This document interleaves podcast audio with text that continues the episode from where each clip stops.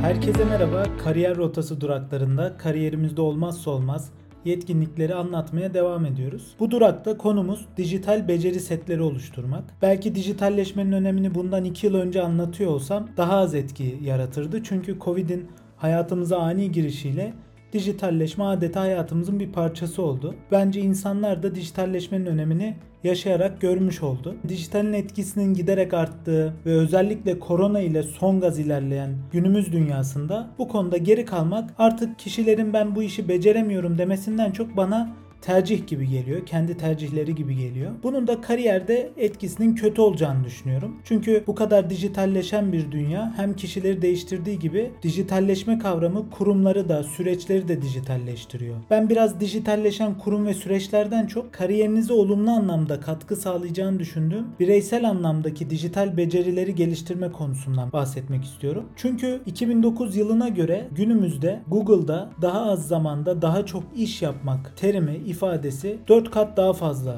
aranıyor. Yani günümüzde insanlar daha hızlı, daha fazla iş nasıl yaparımı daha çok merak ediyor, daha çok araştırıyor. Günümüzde sahip olduğumuz vakit en değerli şeyimiz. Çoğu zaman bir kişinin kariyerine olan bağlılığı o iş ile ne kadar vakit ayırdığıyla, ne kadar çok tecrübesi olduğuyla ölçülüyor ama Bill Gates'in de bir sözü var bu konuyla alakalı. Zor bir iş yapması için hep tembel insanları işe alırım. Çünkü mutlaka basit bir şekilde o işi halletmenin yolunu bulurlar diyor. Bu söz aslında kişinin akıllıca çalışması veya daha verimli, daha kolay yollar bularak çalışmasının işte geçirilen vakte göre çok daha önemli olduğunu ortaya koyuyor. En azından vizyoner işe alımcılar için bu böyle. Daha iyi yollar bulmak, daha verimli çözümler üretmekte dijital beceri setleriyle artıyor. Ne kadar dijital tool'ları kullanabilirseniz, ne kadar dijital araçlara kolay adapte olabilirseniz o kadar daha pratik, daha kolay çalışmaya başlıyorsunuz. Pratik olan dijital araçları kullanmamız hem verimliliği arttırıyor hem de kısa sürede daha fazlasını yapmanıza olanak sağlıyor. Neticede şöyle de bir söz var. Amerika'yı baştan keşfetmeye gerek yok derler. Üniversite yıllarında kendi öğrenci kulübümüzün bir web sitesi vardı. Bu web sitesinde bir sponsorumuz yaptırmıştı. Web sitesinde yapabileceğimiz işler kısıtlıydı. Sadece haber girebiliyorduk. Dedim ki ben biraz bu konuya ilgiliyim. Biraz bakayım nasıl yapabilirim diye. WordPress'te bir web sitesi düzenledim. Hatta bunu yaparken İngiltere'de dil okulundaydım. Akşamları bununla uğraşıyordum. Ve birkaç haftada bir web sitesi ortaya çıktı. İstediğim tasarımda. İçerikleri istediğim gibi özgünleştirebiliyorum. Projelerimizi anlattığım bölümleri ayrı bir yerde gösterebiliyorum vesaire. Fonksiyonel olarak ve tasarım olarak bambaşka bir şey yaptım. Daha sonra sponsorumuz dedi ki yani biz bu sitelere bir ajansa yaptırıyoruz. O ajansta çalışmak ister misin? İstersen bir deneme web sitesi yap. O web sitesi üzerinden gidip görüş. Ajansla görüşmeye gittim. Web sitesini beğendiler. Fonksiyonel olarak bir sıkıntı yoktu. Ama o dönem o ajans sitelerini flashla yapıyordu. Flashla da istediğin görsellikte film gibi, animasyon gibi şeyler yapabiliyorsun o dönem. Ama Flash'ın da şöyle bir özelliği var. Google içerisini okuyamadığı için Google'da üst sırada çıkma şansı yok. Yani bir haber sitesini vesaire Flash'la yapmıyorlardı zaten ama işte kişisel web siteleri, ünlülerin web sitelerini vesaire flashla yapıyorlardı daha şık dursun diye. Ee, bana da yani WordPress seni kısıtlar, yaratıcılığını engeller, temalara bağlı kalırsın demişlerdi. Ve olumsuz dönmüşlerdi. Ama şimdi bakıyorum o dönem onların flashla yaptığı görsellikteki siteler hem Google'da çıkmıyordu ve Google'un üst sıralarda çıkmadıktan sonra bir web sitesi de çok önemli bir hal almıyordu açıkçası. Kart vizitte yazılan bir web sitesine gitmektense insanlar Google'da arayıp o siteye ulaşmak istiyor. Haliyle de ajansın o işleri o anlamda çok iyi gitmedi.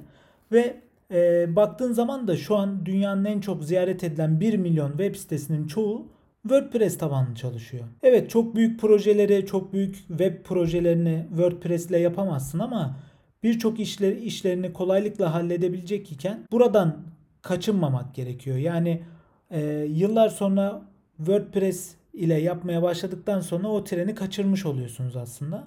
Bunu niye anlatıyorum? Çünkü bir haber sitesi gibi ne, ne gibi bir yapıya sahip olacağı belli olan, ne gibi içeriklere sahip olabileceği belli olan, ne tür bir e, genişleme alanına çıkabileceği belli olan bir şeyi yapmak için Amerika'yı baştan keşfetmeye gerek yok. Bunun için baştan kodlama yapmak, veri tabanı tasarlamaya gerek yok. Zaten yapılmış. sen o zaten hazır olan yapıyı alıp onun üzerine bir şeyler geliştirmen daha kolay olur. Bu anlattığım haber siteleri, blog gibi şeylerden çok daha fazlasını bu tip az kodlamalı yapılarla yapabiliyorsunuz artık. Bu durum 10 yıl önce web siteleri için geçerliyken şu an mobil uygulamalar için veya en gelişmiş bankacılık uygulamalarının kod bilmeden yapılabiliyor olması günümüz dünyasının ve dijitalleşen dünyanın nereye gittiğini çok iyi özetliyor aslında. Yani senin çok iyi bir yazılım yapmanı beklemeye bile vakti yok artık piyasanın ve sektörün. Daha hızlı sonuç üretmeni bekliyor. Daha pratik sonuçlar üretmeni bekliyor. Haliyle de bu sürükle bırak, kodsuz ürün geliştirme, dijital ürünleri kullanma, yetkinlikleri daha çok önem arz etmeye başlıyor. Yine öğrencilik yıllarının sonrasına denk gelen bir dönemde bir derneğimiz vardı. Bizim o derneğe bir mobil uygulama yapılması gerekiyordu. Ben de yine e, buna benzer bir yapı buldum WordPress'e ve bir mobil uygulama hemen sürükle bırakla gerçekleştirdik. O dönem rakip dernekler ve organizasyonlar yıllarca mobilcilere ciddi ücretler ödeyerek uygulama yazdırmaya çalıştılar ve fonksiyonel olarak aynı şeyi yaptılar ama ben onu halbuki çoktan yapmıştım ve markete koyabilmiştim. Neden bunu anlatıyorum? Çünkü onların o gecikmesi hem maliyet oluşturdu onlar için hem de zaman kaybı oluşturdu. Biz ise çok daha az maliyete kendi ürünümüzü hemen markete çıkarmış olduk ve dernek uygulamalarının mobilde çok tutmadığını fark etmiş olduk. Bir daha da herkes mobil uygulama hevesinden vazgeçti dernekler bazında. Bunun gibi birçok tool kullanmak, bu dijital becerilere sahip olmak sizin de kariyerinize çok değer katıyor. Mesela etkili sunumun öneminden bahsettiğimiz podcast bölümünde Canva'dan bahsetmiştim. Ee, bu platform ilk çıktığında çoğu kişi bilmiyordu mesela bu platformu.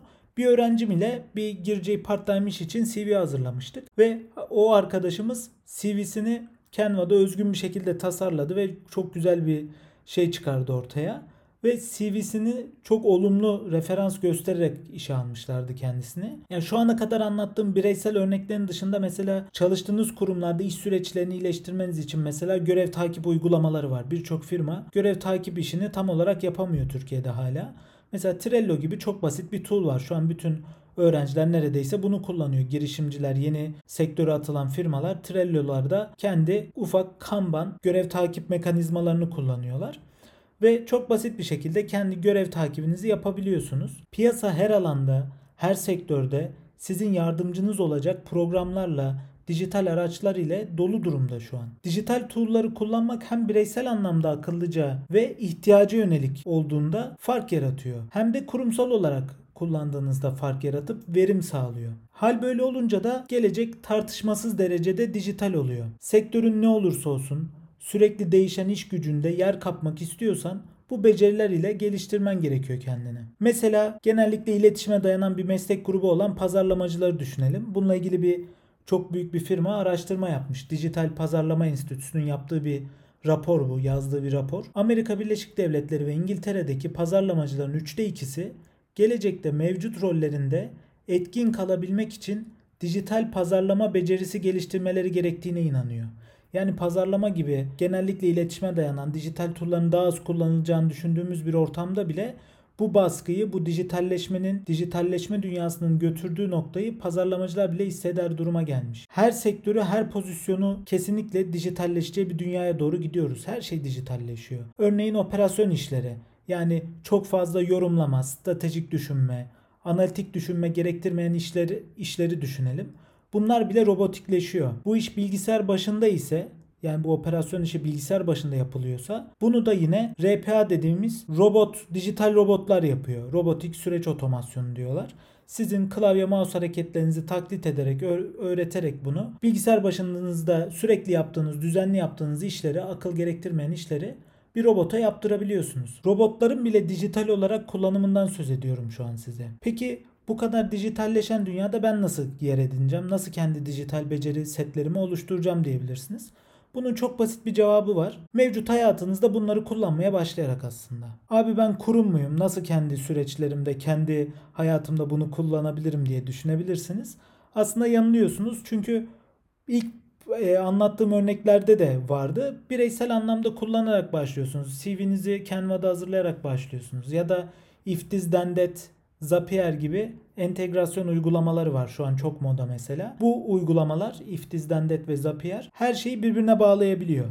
Mesela sizin günlük hayatta dijital olarak yaptığınız bazı rutinler var diyelim. Mesela e, ben kendimden örnek vereyim. Hava durumunu doğru zamanda kontrol edemiyorum ben. Benim öyle bir sorunum var. Ne zaman e, hava durumuna baksam hava iyi oluyor. Unutuyorum yani bir herhangi bir ihtiyaç olmadığı için bir sürede hava durumuna bakmıyorum. Sonra bir anda yağmura yakalanıyorum. Neden? O sabah bakmamışım. If dizden de şunu yap, yapabildim mesela. Dedim ki hava durumunu kontrol et her sabah. Hava İstanbul için yağmurluysa saat 8.30'da bir alarm göster ve de ki bugün hava yağmurlu. Böylece ben sürekli hava durumunu kontrol etmiyorum. Herhangi bir olağanüstü bir yağmur durumu varsa If this then that sayesinde ben haberdar oluyorum sabahları. Aynı zamanda başka şeyler de yapabiliyorsunuz. Bu sadece benim kullandığım bir örnek. Mesela Instagram'da bir e, benim hayatım hashtag ile paylaştığım görselleri Google Drive'da yedekle ve Google Drive'da yedeklediğim dosyaları da ailemin olduğu mail grubuna mail at diyebiliyorsunuz. Ya da eve yaklaştığım zaman konumumu takip et. Eve yaklaştığım zaman evdekilere mesaj at bir şey lazım mı diye mesela. Bunların hepsini bu tarz tool'larla yapabiliyorsunuz. Birkaç tool'dan bahsetmeye daha devam edeyim. Mesela Asana diye çok iyi bir proje yönetim tool'u var. Proje yönetiminde de mesela kurumlar Excel'lerde veya MS Project gibi programlarla çalışıyorlar. Ama bunlar hem entegrasyon açısından hem de güncel veriyi sürekli görme, takip etme açısından biraz eksik kalıyor. Asana bunu çözmüş ve birçok firma şirket e, içerisinde bu programı kullanmaya başlamış günümüzde. Asana da çok canlı bir şekilde performans yönetimini, projelerin performans yönetimini ve takibini yapabiliyor. Kişilerin de performansını ölçebiliyorsunuz. E aynı zamanda Covid'in hayatımıza girmesiyle herkes bir anda evine kapandı. Birçok insan evinden çalışmaya başladı. Haliyle ne oldu? İletişimi kurma konusu ortaya çıktı. Zoom diye bir program hayatımıza girdi. Birçoğumuz ismini bile bilmiyorduk. Ve birçok şirkette şirket içi iletişimde WhatsApp kullanmaya başladı. İrili ufaklı, büyük, küçük çoğu firma WhatsApp kullanmaya başladı. Yani iş süreçleri içerisinde kullanmaya başladı. E, her ekip ayrı gruplar açıyor, kontrol edemiyorsun. WordPress'in son dönemdeki bu gizlilik konuları da devreye girdi. E, aslında bunların da çözüm var. Bunlarla ilgili de dijital tool'lar var. Mesela Slack var. Öğrenciler belki bilir çokça kullanıyorlardır.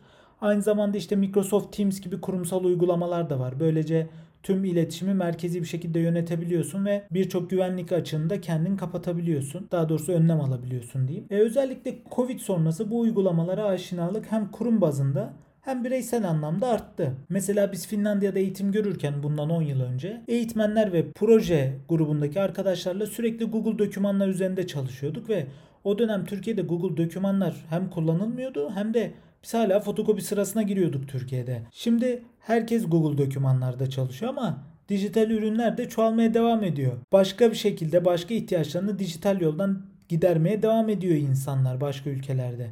Bizim de bu vizyona, bu hıza ulaşmamız gerekiyor aslında. Kolay bir şekilde kullanılabilir bu ürünler hem kolay entegre oluyor bazı şeylere hem de hayatımızda daha çok yer almaya devam edecekler. Diyelim ki bazı ürünler kullanmayı öğrendiniz ve kullandığınız ürünler çalışacağınız firmada kullanılmıyor. Ama İnanın ki onun muadili veya benzeri şeyler kullanılıyor. Kullanılmıyorsa da siz önerecek, önerir duruma geliyorsunuz. Haliyle de bir şey önermenin öne çıkmada da ciddi bir etkisi var. Ha diyelim ki önereceğiniz bir durum yok. Siz hep Google dokümanlar kullanıyordunuz. Şimdi gittiğiniz kurumda OneDrive kullanılıyor. E az çok aşina olduğunuz bir şey olduğu için kolay adapte olmaya başlıyorsunuz. Hiç kullanmadan gidip adapte olmak başka, alternatifi veya muadili bir ürünü kullanmış olarak oraya gelmek bambaşka. Kurumsal süreçlerde belki deneyeceğiniz, kullanmayı önereceğiniz programlar sorunları uçtan uca da çözmeyebilir. Ama en azından bu ürünler neyi nasıl kullanacağınızı, neye ihtiyacınız olduğunu anlamaya daha çok yardımcı olur. Çünkü bir dijital tool alınırken, bir yazılım alınırken firmalara genellikle firmanın yönlendirmesi ve ihtiyaçlar konuşularak ortaya bir ürün alımı kararı verilir. Ama siz bununla ilgili ücretsiz, daha kolay entegre edilebilir bulut ürünleri kullandığınız için neye ne kadar ihtiyacınız olduğunu da daha kolay anlayabiliyorsunuz. Buna da faydası var bunları bilmenin. Çünkü önümüzdeki yıllar her kariyer, her kurum için yepyeni dijital ürünlerle dolu olacak ya da mevcut ürünlerin daha gelişmiş versiyonları ile dolu olacak diyebiliriz. Bu dijital dünyaya adapte olmak da şimdiden bunları denemek ve kullanmaktan geçiyor açıkçası. Daha çok dijital ürün ve tool hakkında konuşmak, bilgi almak isterseniz de benimle LinkedIn üzerinden iletişime geçebilirsiniz. Daha podcast serisinde bu bölümde biraz tool'lar ve dijital araçların önemi üzerine konuştuk. Bir sonraki podcast bölümünde kariyer rotamızda olmazsa olmaz bir başka duraktan bahsediyor olacağız. Umarım faydalı olmuştur. Görüşmek üzere.